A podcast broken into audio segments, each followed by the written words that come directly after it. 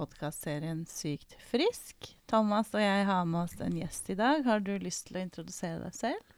Jeg heter Truls Petter Andersen, er 38 år gammel. Jeg jobber i Maritastiftelsen og i Oslo kommune. Ja, Kan du fortelle kort om hva Maritastiftelsen er? Kort. Nei, ikke så kort. Jo, jeg kan fortelle fortell kort. De, de jobber eh, rus- og kriminalitetsforebyggende. Eh, det, er en, eh, det er ikke så stor organisasjon. Det er 50 ansatte ca. 250 frivillige. Ja. Eh, de har ti avdelinger, tror jeg. De har bruktbutikker, de har kafé for rusmisbrukere og prostituerte. De har botilbud, fengselsarbeid. Eh, jeg jobber i den delen som er det forebyggende arbeidet. Så vi er veldig mye rundt på skoler og kriker og kroker av landet og snakker med ungdommer. Ja, Hva er det dere prøver å få til? Forhindre folk å ta de samme valgene og gå inn på de samme veiene som vi har gått. da. Fordi Ja. det er eh, du, Man veit ikke helt hva man går inn i. Og så når man vil ut, så er det kanskje gått for langt. Så det er det å Forebyggende arbeid må jo skje før det har skjedd Ja, et ikke problem. da. Så man må egentlig begynne enda tidligere enn det vi gjør. Mm. Så, men det er det vi gjør, da. Så det er bra. Tenker du at det fungerer? Det er vanskelig å måle forebyggende arbeid. Ja, Det vil er man sant. kanskje se om 20 år, liksom. Men jeg har jo Mm. tro på det. Mm. Eh, jeg har fått et nytt liv selv. Jeg Mm. kjenner veldig mange som har fått det. Eh, så om det hjelper én, da, Ja, så er det verdt er det det. verdt det. Ja. Man må tenke litt sånn. Eh, og så må flere bidra, flere må stå sammen om det her. Så Mm. tror jeg det Vi må gjøre noe, i hvert fall. Og det er Ja. Jeg har to spørsmål. Det ene er hva fikk deg inn i Maritastiftelsen? Og det andre er eh, Ja, vi kan ta det første først, da. Hva fikk deg inn i den stiftelsen? Nei. Ja. Jeg, ble, jeg, satt en, eh, jeg sona flere dommer, da. Så jeg satt en dom på Ullersmo i 2008. Eh, og da er det jo sånn eh, Marita har jo Maritastiftelsen har jo fengselsarbeid. Samme som Røde Kors og Frelsesarmeen, så er de på mange ulike fengsler og har gudstjenester. Mm. Og de har sånn én-til-én-møter, da. Mm. Eh, Så det var på en sånn Marita-samling på Ullersmo, og da kjente jeg ikke så veldig mye til Marita-stiftelsen. Jeg visste om de, for jeg har hatt to søsken som har bodd i fosterhjem hos noen i Marita. Ja. Eh, men på det ene møtet der så ble jeg kjent med han som blei min avdelingsleder i Marita, en som heter Stig Morten. Vi satt på forskjellige avdelinger på Ullersmo, så vi møttes aldri sånn utenom når det var kirke eller sånne ting. Mm.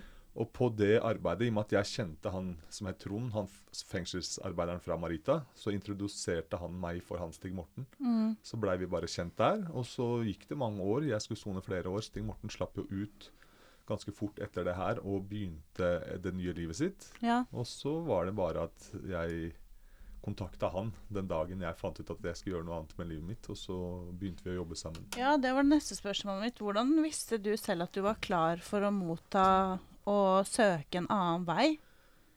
Man har erfart så mye den veien man har gått, at det er ikke, Ja. den bærer ikke noe sted. Ting du trodde skulle gjøre deg happy, eller at Ja, det ja, skulle gjøre deg bedre. Du fikk de tingene, og så var du like for jævlig, for å si det sånn.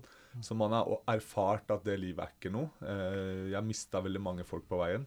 Så det var bare det at jeg kom til det punktet at enten så må jeg bare kjøre det til det stopper, liksom. Mm. Eller så får jeg gjøre noe helt annet. Ja. Og da må jeg gi det en sjanse, en fair sjanse, liksom. ja. Og det var det jeg gjorde, da.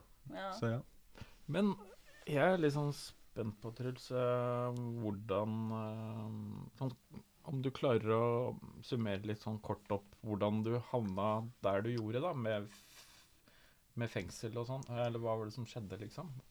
Det, det er en litt lang vei, egentlig. Eh, Jeg har jo foreldre som var rusmisbrukere. De hadde jo sine problemer i tenårene. De møtte hverandre, de gifta seg, og de ble kristne når de var 18 år gamle. Så alt skjedde veldig fort for dem.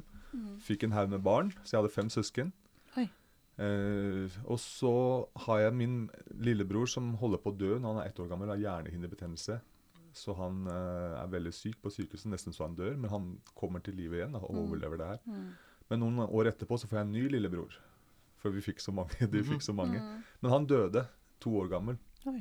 Og det førte til at mine foreldre med sin bakgrunn begynte med rus, begynte med alkohol. ikke sant? Mm. Alt det der. Og så kom hele runden med fosterhjem, og så ja, balla det på seg. Institusjon etter hvert, og så blei det bare sånn. altså. Tror du at foreldrene dine hadde Tydeligvis så søkte ikke de hjelp i tide, da. Tror du at de kunne hva de, Har du noen tanker om hva de kunne trengt da? Nå har jeg, I og med at jeg har levd et liv selv, så forstår jeg de mye bedre nå enn jeg gjorde da. Mm. Da tenkte jeg åssen kan du velge det her foran oss, liksom. ja. Det var litt sånn jeg tenkte. Men man søker jo Man tenker jo at den rusen, da det der Når den kommer inn, den skal trøste deg, den skal hjelpe deg. Den sk Det er jo sånn man begynner med de problemene der. Og så blir det bare at du blir fanga i det. Eh, det var jo folk som prøvde å hjelpe oss på den tiden også, eh, så vi kom jo i Ja, det var det, ja. Ja, det var folk som prøvde å eh, hjelpe. Ja. Vi kom i noe sånn her beredskapshjem, eller vi prøvde med litt med folk gjennom de vi kjente. Eh, så vi ble egentlig plassert rundt omkring, alle søsknene. Men problemet var at de hjemmene var ikke klarert for noe, eh, for ingenting. da. Eh, De var ikke godkjent. Det var ikke godkjent. Nei, nei. Eh, men det blei de etter hvert, da. De stedene vi hadde kommet. Så det var egentlig ganske bra.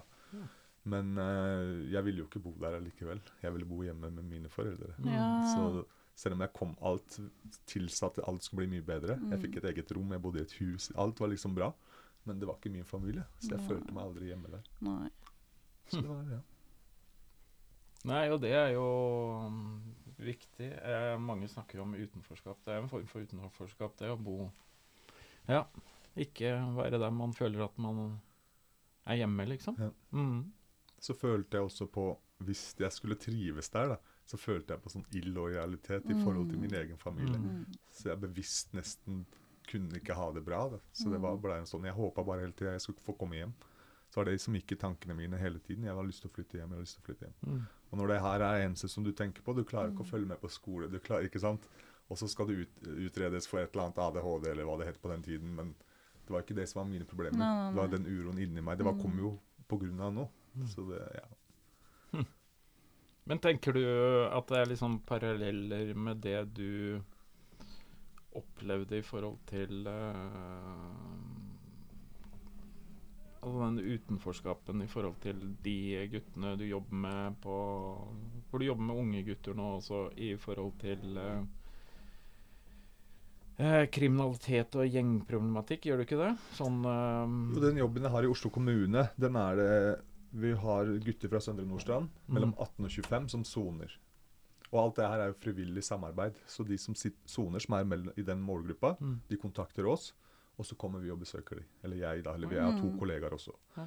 Og så begynner vi å bare bli kjent. Det er sånn man må begynne med alle relasjoner. Og så hjelper vi dem, da. Hele dommen. Vi kommer og besøker dem, vi er med dem. Og så planlegger veien ut. Åssen tenker du det her skal gå, liksom. Mm. Så er vi det mellomleddet mellom jobbspesialister fra Nav, mellom alt. da, For det er mange av dem som de har ikke en kodebrikke, de har aldri søkt en ikke sant, alt det der. Så vi, vi hjelper dem hele den veien, da. Men de må eie det litt. Så det er ikke sånn at vi gjør all jobben for dem, men vi er en god medspiller for dem. Og så er det Noen lykkes i det, noen tar det Det er litt sånn det er, da. Mm. Vi hadde et, et eksempel. En som uh, hadde kommet seg ut, han hadde fått seg jobb, alt. Så han hadde gått fra et kriminelt miljø. Og så, men det veit jo ikke de han hadde problemer med. Nei. De, de bryr seg ikke om det. Nei. Så han ble skutt. Mm. Og så overlever han det her, men han bevæpner seg igjen for å For å forsvare For seg, da. seg. Ja, Og så blir han- være arrestert med det her våpenet, og så sitter han inne igjen. liksom. Så veien ut er ikke så lett som folk tenker. Kan du ikke bare slutte, kan du ikke bare Mm. få deg en jobb? mm. Men det er veldig mye som skjer i den perioden der. Så vi prøver bare å være der for dem i den tiden.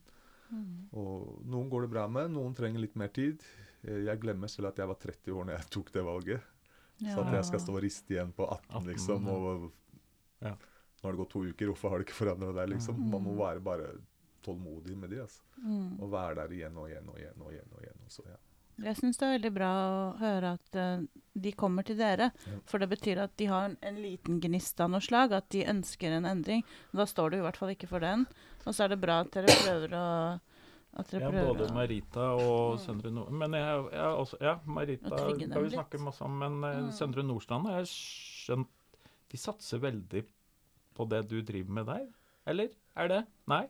Det, hver gang det er noe i Ja.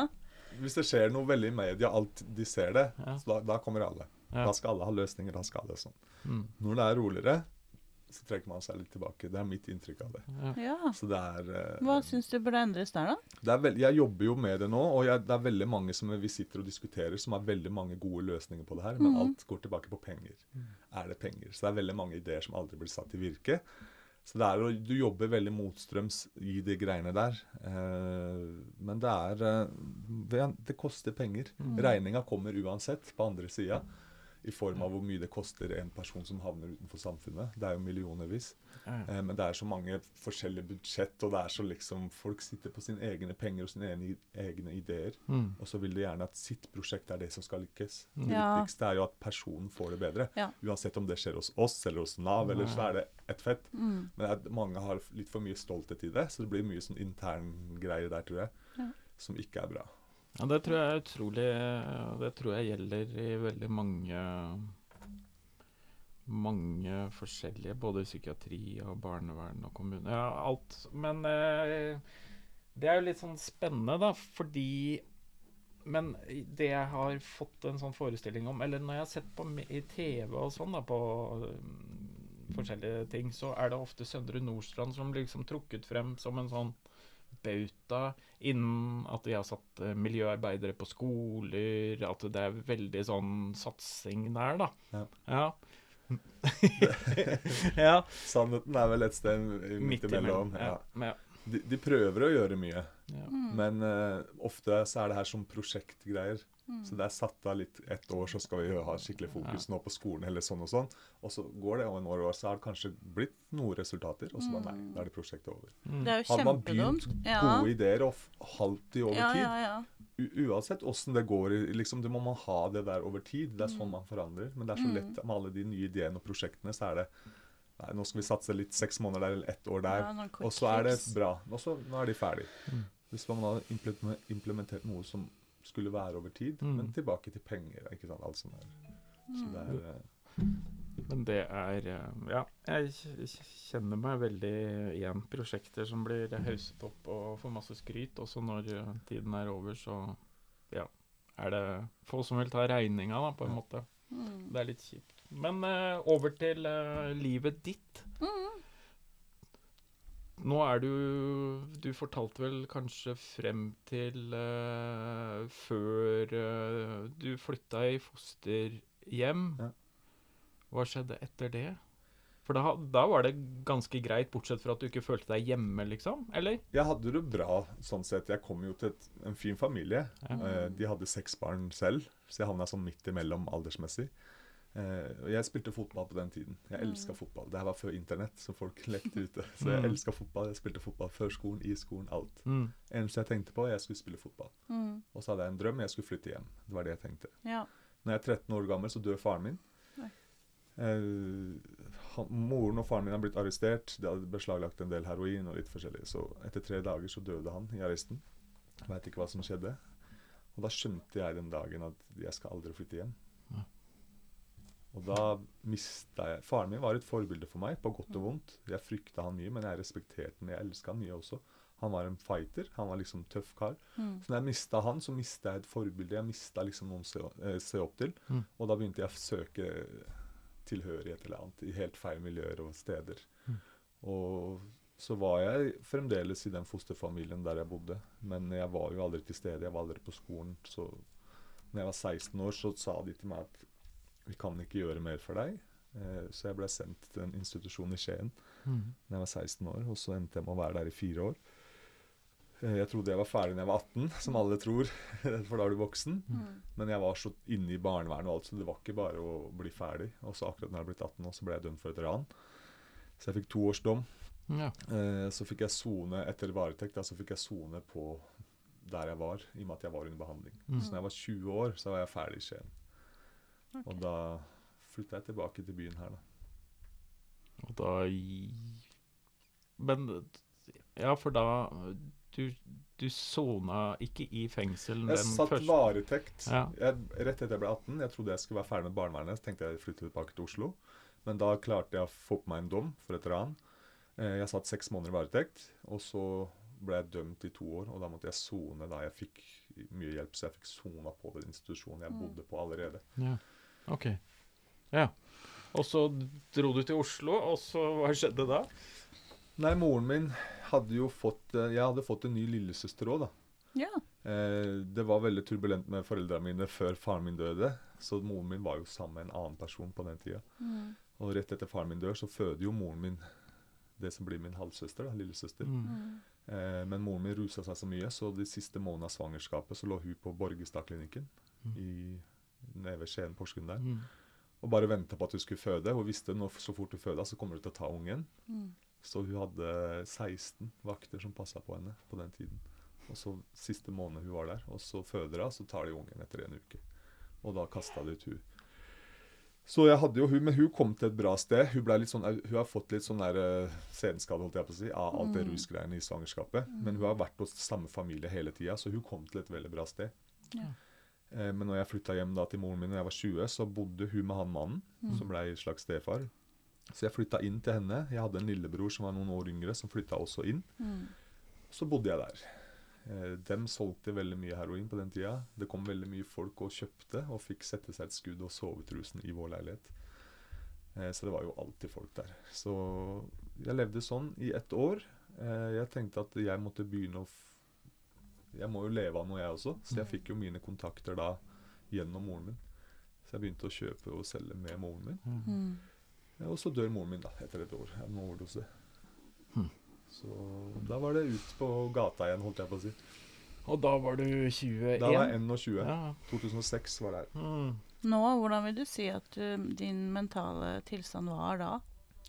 Da du var 20? Da var jeg kanskje på mitt mørkeste, laveste ja, som jeg har sånn vært noen gang. Eh, faren min døde, mista jeg et forbilde. Jeg mista noe jeg så opp til. Når moren min døde, så mista jeg Hun var en kjempegod mor. Uansett om hun hadde sine problemer med rus og alt det der, så var hun tvers igjennom god. Eh, så jeg mista litt det gode i meg. Jeg f klarte Ja. ikke å ha det bra lenger. Jeg elska ikke meg selv. Jeg hata meg selv, hata alt. Jeg Sint. blei sint. Veldig sånn mørke. mm. Så jeg kjente ikke på noe følelse for noe. Så jeg blei en veldig farlig person å være rundt. For meg selv og for alle andre. Så det blei veldig dyster tid på den tida. Jeg husker Vi blei jo kasta ut av den leiligheten før begravelsen. For jeg hadde prøvd så lenge på moren min. For det var så mye folk, det var så mye som skjedde der. ikke sant? Mm. Så husker jeg bare at det var bare skrudd på en sånn plate foran døra en dag. Så vi kom jo ikke inn. Fikk ikke henta tinga våre. Ingenting. Oh, oi. Så da begynte jeg veldig mye med det kriminelle eh, som jeg allerede var i. Men eh, nesten hele 20-åra mine så satt jeg inne. Sona flere dommer. Ja, For da var du et sånn perfekt objekt i forhold til uh, en del kriminelle greier, ikke sant? Du var sinna, du Brydde meg ikke om noe. Ville bare, tenkte bare på penger. Tenkte bare på noe må gjøre at jeg får det bedre. Mm. Og hva søker man? Det der. Ja, det du kjenner og det Ja. du vet gir eh, raske Ja. resultater. Da. ingen Du skal vet se får åssen jeg har det på innsiden. Så jeg Ja. skal pynte på utsiden. Mm. Mm. Putte på så mye masker og fasader. Ingen skal se åssen jeg har det. eller føler meg. Jeg føler meg som en dritt. Jeg er redd. Alt det der. Kan ikke Mm. vise det. Så man jager alle disse tingene. Gjorde masse ran og fikk flere dommer. Masse voldssaker, også i fengselet. Jeg kunne ikke sitte på vanlige avdelinger. Jeg var bare på isolasjon eller på liksom For jeg var så Du var klin gæren, egentlig. Jeg var klin gæren. Ja, ja. Men fordi, ikke pga. at jeg ville være Det var bare Jeg hadde det så vondt inni meg selv. Mm. Så det måtte bare få utløp for et eller annet sted. Det var det som var mitt problem. Er det sånn at du kjenner igjen den eh, raskt hos andre nå når de jobber med forebyggende arbeid? At du kan kjenne tendenser som Ja, absolutt. Eh, og jeg prøver også Det tok lang tid for meg å komme meg ut av det. mm. For det må jo begynne med at du får et eller annet håp i livet ditt, eller tro på et eller annet, Mm. eller tro på deg selv, at du Mm. kan duge til noe annet. Og det, det er ikke gjort over en samtale. Det er folk som prøvde det på meg også, men det jeg fant ut Jeg satt, nesten, jeg satt syv år av 20 20-åra mine satt jeg i fengselet. Ja. Og det jeg fant ut var at de jeg brukte minst tid på ute, de brukte mest tid på meg når jeg sona. Det var søsknene mine, og det var noen kristne folk jeg hadde rundt meg, Mm. faktisk. Som jeg tenkte var klin gærne. Men uh, de kom. Men ja, OK, så da sorterte du litt uh, hvem som egentlig brydde seg? Nei, man kommer til den der hvor er På begynnelsen så får man kanskje noen brev og noen hilsener, og så går årene, og så livet, livet ute går jo så fort. Mm. Men inne så føles det som det står helt stille. Mm. Så man blir litt glemt. Det gjør man. Ja, det er litt som når, når noen dør, så Mm. ser du liksom hele verden liksom funker der ute, og de Ja. bryr seg Eller tilsynelatende Eller de Altså, det er verden Ja, lever et eget liv, da. Ja. Men øh, hva gjorde du etter at du kom ut syv år av 20 Jeg satt ikke sa sammenhengende, men Nei. jeg, satt, jeg fikk 18 måneder, jeg fikk to år, jeg fikk tre år. Ganske sånn rett etter hverandre, nesten. da. Mm. Ja. Så satt jeg min siste dom, slapp jeg ut 2014 på høsten. Var det kortere enn det du var dømt til først? Nei, da fikk jeg tre år. Da sona jeg tre år også. Ja, okay. Og da Jeg fikk ikke to tredjedeler. Jeg har aldri fått. Nei. Eh, og det er også noe som Var det fordi at du var så gæren, eller? Nei, men det er, det er veldig få som får det. Så Altså. Ja. Men Det altså er ikke sånn lenger at alle Nei. Du har en permtid etter en tredjedeler, så har du to tredjedeler. At du tenker deg liksom at det får alle. Men det er, jeg, det er ikke mange jeg kjenner som har fått det. Altså. Ja, men de du kjenner, har vært ordentlig rabagastro, da? Ja, er det, ikke ja, det? det er sant, men Ja. det skal ikke ha noe å si, egentlig. da. Greit at Hvis du er oppført som en drittsekk inne hele tida og lager kaos, så kan jeg forstå det. Men hvis, du, hvis det er sånn småpirk, eller hvis det skal ikke ha noe å si når du har vært der i tre år, liksom. Ja, så de, du føler at de leta litt Og jeg hadde jo jeg, jeg kan skjønne det. Jeg satt først på Ullersmo, på varetekt på den dommen. Og så ble jeg flytta til Oslo. Jeg ble flytta tilbake til Ullersmo. Mm. I de første 18 månedene så lagde jeg bare kaos. Satt mye på isolasjon, og jeg kan skjønne det.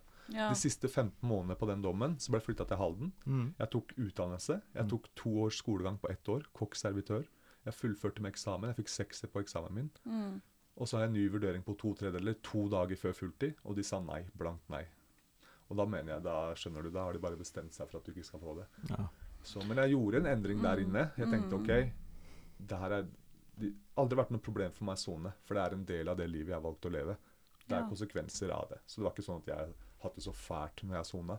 Det jeg erfarte da på den siste dommen, var at jeg må bruke i hvert fall tida til å gjøre noe positivt. Mm. Jeg trente mye, jeg studerte, jeg gjorde alt jeg kunne for å liksom komme ut som en bedre person. da. Mm. Men det jeg merka, var at jeg kunne ikke være ute. Jeg hadde en lillebror som sleit veldig med rus på den tiden. Mm. Som hadde vært på alle hospits og rehabs i hele landet her.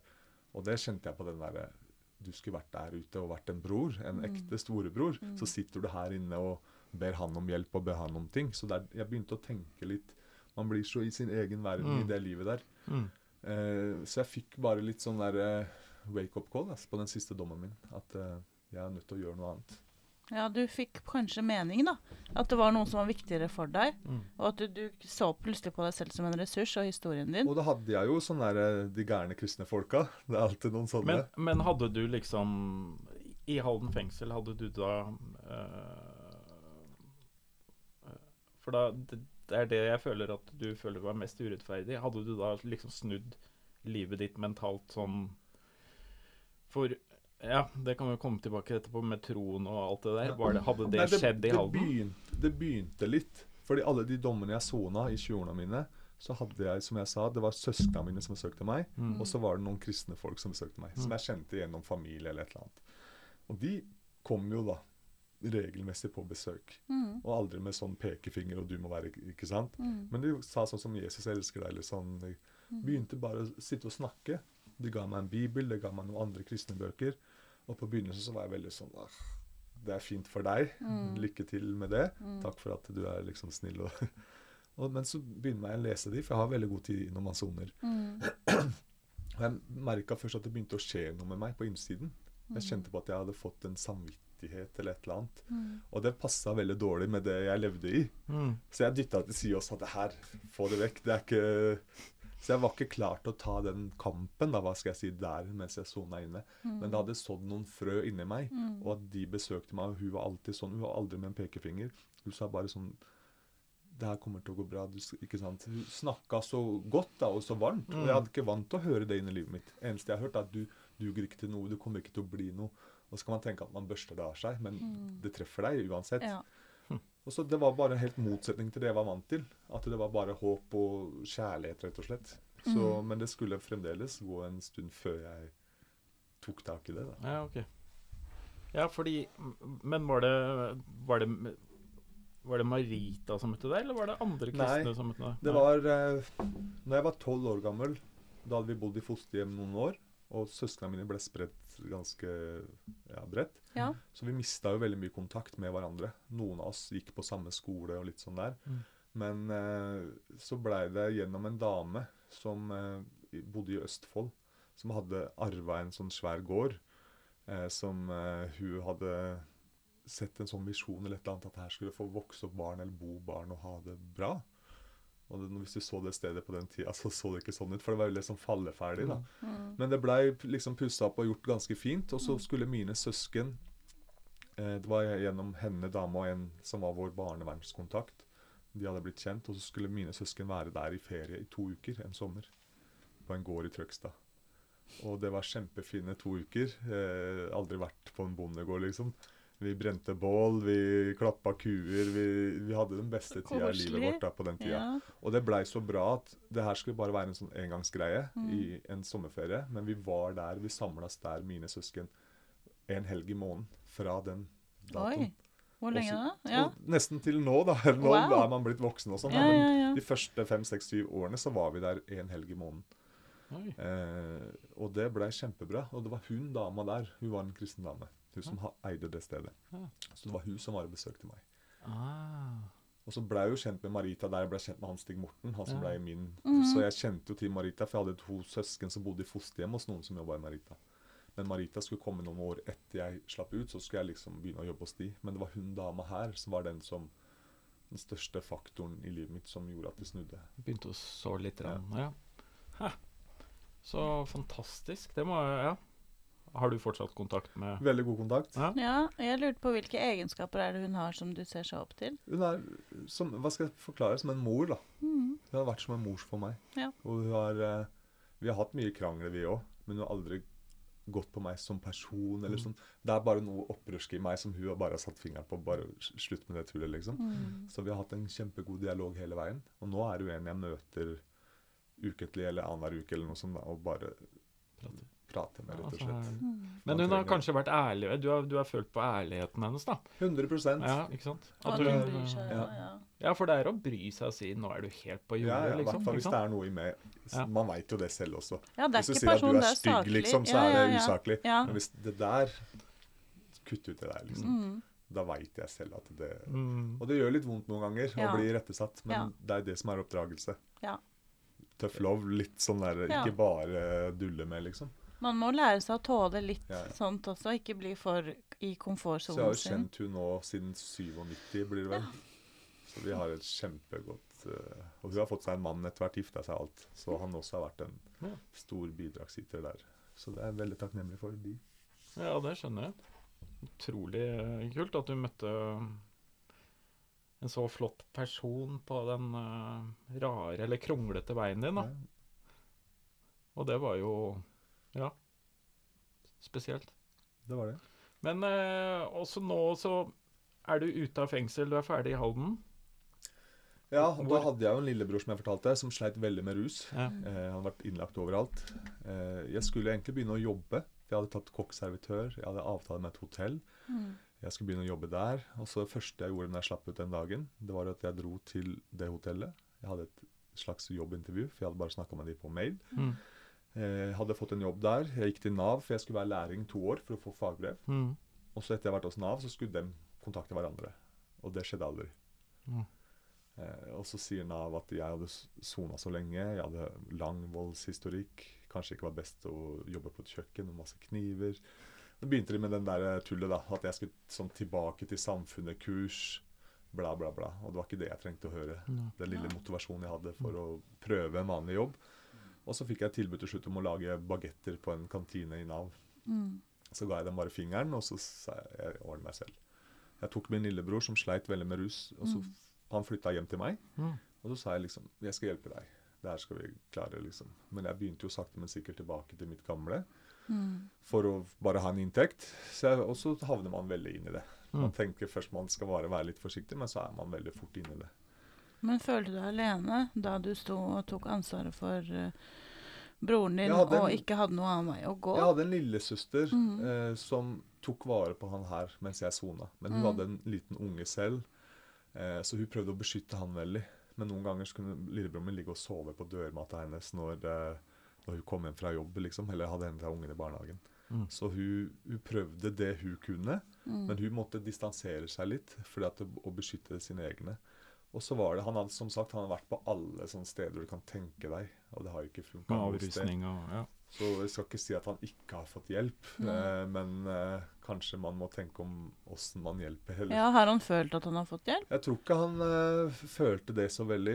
Nei. Eh, Han lever han fortsatt? Nei, Nei, han gjør ikke det. han gjør ikke det. Eh, etter å ha bodd hos meg i ti måneder, så tok han livet sitt gjør- eh, på bursdagen sin. Så han var 27 år gammel da, akkurat blitt. Eh, og da hadde han skrevet en sånn hilsen at han orka ikke være en belastning og Mm. ja, bla, bla, bla. Jeg elsker dere. Og så Mm. tok han livet sitt. Eh, og det var jo rett etter det her at jeg kom til det punktet at jeg måtte gjøre noe annet, rett og slett. Jeg hadde mista mye familie, jeg hadde mista mange venner på den tida her. Mange av mine nærmeste venner som døde, som har hoppa foran tog, som har hengt seg, som har blitt skutt, som har blitt stikkende, Mm. som har tatt overdoser. Så man sitter igjen på andre enden, og så er hva er det vi lever, liksom? Hva er det for noe liv? Mm. Skal jeg bare en, Så jeg tenkte, jeg har to valg. Enten kjøre bare hardt mot noen eller noe, så jeg dør. Bare bråke med Liksom bare få i gang noe helvete. Mm. Eller 180 grader. Det var to valg jeg følte jeg hadde. Og for meg så ble 180 grader Det ble kristendom. Det ble Jesus, liksom. Mm. For jeg tenkte det er, det er helt motsatt av det livet jeg lever nå. Så for meg så hadde jeg to valg. Og jeg hadde mest lyst til å gå den destruktive veien. Mm. Men det var et eller annet i meg som sa jeg må gi det en sjanse. Jeg kjente hun kristne dama jeg fortalte om, jeg kjente henne. Mm. Hvorfor var hun så grei? Hvorfor var hun så snill? Mm. Hvorfor snakka hun så Og jeg, trodde, jeg har trodd på Gud hele livet mitt. Jeg hadde foreldre som var kristne også, så det var ikke det at jeg ikke trodde det fantes en Gud. Mm. Men jeg trodde ikke han hadde noe med meg å gjøre, eller at jeg kunne ha en relasjon med han. Så jeg hadde to valg, og jeg tok det gode valget. Og det, de skulle, hun dama, søstera mi, lillebroren min og flere skulle på en konferanse i London som het Hillsong Conference, Mm. som er sånn kristen greie. Og jeg visste ikke noe om Hillsong, ingenting. Men jeg kjente jeg skulle dra dit. Jeg bare kjente inni meg du skal dra dit. Og da fikk jeg vært med min familie. og Broren min hadde akkurat tatt livet sitt, så jeg, jeg tenkte uansett jeg må dra dit. Så ber jeg en liten bønn til Gud. Bare kjære Gud, kan du hjelpe meg, liksom? Og så hadde jeg en sånn liste med ting. bare, Jeg trenger noen svar på noen ting. Så drar jeg inn dit. Det er 20 000 mennesker på det stedet. Eh, og så kommer han som skal snakke, så snakker han rett til meg. Så bare går han gjennom lista mi sånn punkt for punkt. Jeg hadde ikke delt med noen. Jeg hadde ikke sagt til noen jeg hadde bedt til Gud. Jeg hadde liksom satt der og prøvd å være dønn seriøs. Så jeg bare begynner å fossgrine. For jeg følte Gud snakka til meg liksom, gjennom han mannen der. Mm. Så det ble en sånn berg-og-dal-bane av følelser. Og jeg kjente meg, første gang jeg kjente meg elska. Første gang jeg, jeg kjente meg tilgitt. Jeg kjente, alle de ting som kristne snakker om, som jeg bare tenkte at det er sånn weirdo-snakk, liksom. Så bare jeg erfarte det der og da. I et moment som føltes ut som en evighet, som sikkert var et minutt. Mm. Så bare kjente jeg at ting falt på plass. Og så blei det starten på, på det nye livet. Mm. Men jeg visste jo ikke åssen jeg skulle leve det nye livet, da. Men det blei starten. Ja, ja. Så rart. Eller det, det er jo veldig rart for um, Ja, det er rart. Det var rart for meg også. Ja, Ja, var, eh, jeg trodde jo på det. Mm. Men jeg, man tror, og så erfarer. Det er liksom to forskjellige ting. ja, ja. Men der så jeg skjønte at det var noe der, liksom. Jeg må bare gi livet mitt til det. Og da var du uh, i slutten av 20-årene? Nei, da var ak den sommeren ble jeg fylt akkurat 30 år. 30 år, ja. Det var i 2015. ja. Så da, da, da det snudde, nå 2015, ja. Så det er uh, Du er åtte år, liksom, nå? Cirka? Ish? Ja. Så det var Jeg møtte jo da heller Kom tilbake til Norge, og så tenker jeg shit, Mhm. hva skal jeg gjøre nå, liksom? Ja. Så googla jeg kirke, da. ja. Jeg tenkte Ja, tydelig, jeg følte jeg hadde blitt en kristen. Mm. Mm. Så googla jeg hva gjør kristne, holdt jeg på å si. De går i kirka, det visste jeg. Så jeg googla, og da bodde jeg oppe ved Københavns gate, oppe ved Carl Berner rundt Ja, der. ja. Så fant jeg en kirke da som var rett i nærheten. Og så bare ah, Intro, tror jeg den het. Mm. Og så tenkte jeg ok, så kjente jeg en venninne som gikk der. Ja. Så jeg kontakter henne.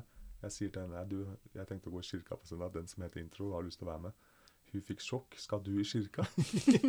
jeg ba, ja, så fortalte jeg om den, det som hadde skjedd. da. Og så bare nei, men jeg kjenner jeg er nødt til å gå i kirka. liksom. Så skal hun være med meg. Så husker jeg vi møter hun der, står utenfor. Og så tenkte jeg sånn ah, Skal jeg gå inn? Jeg kjente skikkelig sånn kamp mot å gå inn. For jeg kjente ingen der. Det var noe helt nytt.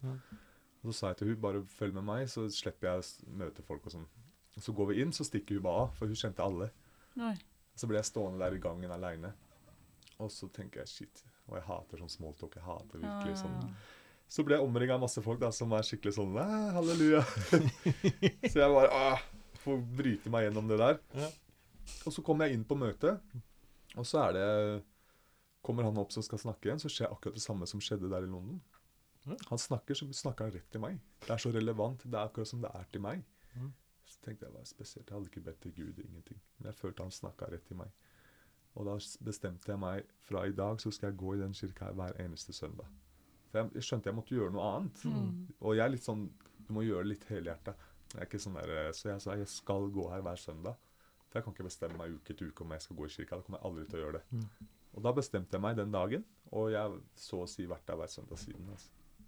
Så Så rart. Så er, Du fikk, fikk litt sånn samme opplevelsen da jeg møtte deg, hilste på deg så vidt Mm. første gang nå, jeg skulle møte Sindre. Mm. Da fikk jeg akkurat den samme følelsen. da. Mm. Masse Altså, plutselig blir du stående her alene og syns dette er eh, det er jo kamper i deg når du skal gjøre noen nye ting. Ja, ja. Det gamle bare prøver å dra deg tilbake. ja. Men komfort kommer fra jævelen, pleier jeg å si. Det er ikke noe, det hindrer deg mest i å gå videre i livet. Komfort kommer fra jævelen. Ja. Ja, det var ikke ja, det, det blir, sagt. det er så lett at den, man jager komfort, man jager Mm. bare tilfredsstillelse. Og det tar deg ikke noen bra plasser. ass. Du blir så passiv. Du, blir så, du, du gidder ikke å trene. Du ikke å, det er så mange ting som den komforten gjør, som Jeg tror føler er man kan, man kan øve på mestring ved å innse de Ja. tøffe takene på veien, ja. Litt som oppdragelse, litt som voksenoppdragelse. Og vil du ha forandring ja. i livet ditt, så må du forandre deg selv. Ja. Mange vil ha forandring, men de vil Og ikke det er forandre tøft. seg Det er selv. motgang og motbakke. Selvfølgelig er det vanskelig. Mm. Men det er, eh, du må begynne bare et sted. Og så Ja. skjønte jeg at jeg kan ikke bare gå i kirka, jeg må jobbe. Ja. Og det var da jeg kontakta Anstig Morten, som jeg ble kjent med i fengselet. Og da jobba ikke han i Maritastiftelsen, han jobba i noe som het Monsterbedriften. Ja. Som drev med rivningsarbeid. Knalltøff jobb. Rive først og fremst baderom. Ja. Bygårder rundt omkring i Oslo som har gamle rørsystem som skal byttes. Mm. Asbest og alt mulig. Nei, alt, hele Ja. badet, for det er gamle jernrør, vet du. Nå skal alt være plast. Ja, ja. Så da var det sånn 300 bad i den borettslaget, ikke sant. Ja. Og de ansatte folk som, som meg, som hadde en bakgrunn. Så Mm. det var der jeg, jeg ringte bare han. 'Husker du meg?' Og da hadde jeg bare snakka med han i ti minutter i et fengsel for mange år siden. Mm. For vi satt ikke på samme avdeling. Men han huska meg. Nei. Og han sa Jeg hadde ikke noe dress eller noe CV eller hva skal jeg komme, liksom. Men han sa han skjønte det også når jeg ringte. 'Du kan begynne å jobbe nå', sa han liksom. Nei. 'Du må komme nå'. Så du gikk rett på med pigger? Så jeg gikk rett på, rett med han. Ja. Eh, knalltøff jobb. Begynner sju på morgenen, var ferdig kanskje ti på kvelden. Bære betong, pigge. Det var liksom Men jeg hadde fått meg en jobb. Ja, ja. Det var ikke, For meg så spiller det ikke noen rolle. Jeg hadde fått meg en jobb. Og jeg er litt sånn der Jeg skal prøve noe, så skal jeg gjøre det ordentlig. Ja. Det er ikke noe sånn, eh, det var ikke noe for meg. Og da samme som jeg sa at jeg skal gå i kirka hver søndag, så sa jeg jeg skal jobbe her i hvert fall ett år. Mm. For jeg visste at etter to uker så kom jeg til å Nei, han kollegaen var litt sånn Og så finner man på en exit-unnskyldning, da. Mm. Så det var det jeg gjorde der. Og jeg jobba der akkurat ett år. Du gjorde det? Ja. Så det blei det ble bare sånn. Ja, ja. Og så var du ferdig med å pigge gamle bad, Ja. og da fant du deg en ny jobb, eller? Ja, Stig Morten slutta jo. Ja. Han, og da, da hadde jeg gått akkurat et år. Mm. Og det var litt han jeg hadde relasjon med. Mm. Eh, og da kjente jeg at jeg skulle gjøre noe annet også. Og ut av det blå så havna jeg på bibelskole, av alle ting. Ja. Eh, det hadde jeg aldri trodd jeg skulle gjøre. I Norge? Eller? Ja, i Norge. Ja. Den var i Drammen, faktisk. Oh, ja. Eh, men det var kjempefint. For jeg hadde det bra i kirka. Jeg hadde gått i kirka et år da. Mm. Så søndagene mine var fine. Jeg hadde Mm. blitt kjent med noen nye folk. Men ukedagene så jobba jeg bare. Jeg jobba med det her rivningsgreiene fra morgen til kveld. Jeg kom hjem og var sliten. Ja. Så det var liksom mye ensomhet, eller hva skal jeg si, alenegreie. Men jeg måtte det også, for jeg hadde kutta kontakt med det gamle. Mm. Selv om det første halve året der, så var jeg litt som begge deler. Men jeg skjønte det at det funker ikke. Jeg tenkte at hvis det kommer rus på bordet, jeg trenger ikke å røre det. Og det klarte jeg, det var ikke noe problem. Mm. Men plutselig så var det situasjoner der det var bråk. Eller det kom folk, ikke sant. Og da kan ikke jeg bare rekke opp hånda og si jeg er blitt snill. Nei. Så da skjedde det som skjedde, så skjønte jeg at du er nødt til å velge. Du er nødt til å Skal det her funke? Mm. Så jeg brukte et halvt år på det, litt over, og Mm. kutte kontakter og liksom For det er ikke bare å gå ut av et miljø du har vært en del av. Nei. Men jeg klarte det, for jeg tror at hvis du går på den rette veien du skal gå, så vil det falle på plass som det skal bli. Mm. Det tror jeg 100% på. Så får det skje det som skjer. Mm. Så jeg klarte å komme meg ut av det. Men jeg kjente veldig på det etter det året at jeg, jeg må ha noe mer. Jeg må ha noe Ikke bare jobb og kirke, liksom. Jeg hadde ikke noe sosialt liv. Ingenting. Og da, av alle ideer, så havna jeg på bibelskole, da. Mm. Men det blei et kjempefint år for meg. Ja. Eh, da var det ikke bare søndager der jeg fikk go god input, eh, men hele uka. For du er jo der fire-fem dager i uka. Da flytta du til Drammen, eller? Nei, jeg bodde i Oslo. Ja. Pendla til Drammen. Mm. Gikk på skole. Og så måtte jeg ha jobb for Sina, for du er student. Mm. Og så dro jeg tog til Gardermoen, og så jobba jeg som kokk, da, for jeg hadde jo tatt utdannelse som kokk. Så jeg jobba på et hotell der. Ja. På Thon hotell på Gardermoen, rett ved den svære stjerna der. ja. Så det var et hektisk år da, med skole i Drammen og jobb på Ja. Gardermoen. Og på bo i Oslo, ja, midt mellom. Det var jo bra, da. Så jeg var jo Jeg holdt på med det i ett år. Og så skjønte jeg det at uh, Nå har jeg prøvd meg som kokk. Det var et veldig slitsomt yrke. Ja. Og så savna jeg å jobbe med Hans Stig Morten. Ja. Og da hadde han begynt i Maritastiftelsen. Og da tok jeg bare kontakt. Jeg kjente vel at jeg skulle jobbe i Marita. Jeg visste litt hva de dreiv med, og de hjalp jo sånne som meg. Mm. Sånne som har slitt. Så jeg kjente veldig at jeg skulle dra dit. Så jeg sa opp jobben på det hotellet. Ja. Eh, jeg sa opp leiligheten min før jeg hadde snakka med Marita. Og så dro jeg til Marita, og så sa jeg det at eh, jeg har lyst til å jobbe hos dere. Og så de bare har egentlig ikke mulighet til å ansette noen nå. Tenkte jeg, shit, hva har jeg gjort nå, liksom. Men jeg, tenkte, jeg kjente fremdeles på det at jeg, jeg må følge det jeg kjenner her inne. Mm. Hodet mitt, alle det negative, det spinner av gårde. Men jeg begynte å føle noe her inne. Men jeg kjenner at jeg skal jobbe her. Og så sa jeg, men la meg være frivillig. Og da hadde Marita på den tiden flere botilbud rundt omkring, sånn ettervernsteder, litt forskjellig. Så jeg fikk jobbe på et sånt sted. Jeg fikk bo der, og så fikk jeg dekt kost og losji. Ja, men visste, Siden du sa opp leiligheten, visste du at de hadde leiligheter på Marita? Nei, nei, nei men jeg, jeg visste jo om at de hadde botilbud, men jeg tenkte at de kan ansette meg et eller annet sted, så får jeg en lønn. Det var det jeg tenkte. Oh, ja. Mm. Men det var jo ikke realiteten, for de hadde ikke Nei. mulighet til det. Men jeg kjente veldig at jeg har lyst til å jobbe der. Ja. Mm. Men da la meg begynne frivillig. Og da da, fikk jeg der flytte begynte inn. du Hvilket år er dette, cirka? Det er 2017, vel. Ja. Så da begynte jeg litt sånn. Bodde på et botilbud som eh, er i Oslo her, faktisk. Som er de har enda. Mm. Eh, og så begynte jeg å jobbe der. Og så begynte jeg å jobbe litt på bruktbutikken og på kafeen for de rusmisbrukere. Ja, ja. Og så etter hvert så fikk jeg en litt større og større stilling. Så fikk jeg mer og mer betalt, og så har jeg vært 100% siden 2018, kanskje. Skal vi ta en liten pause, eller?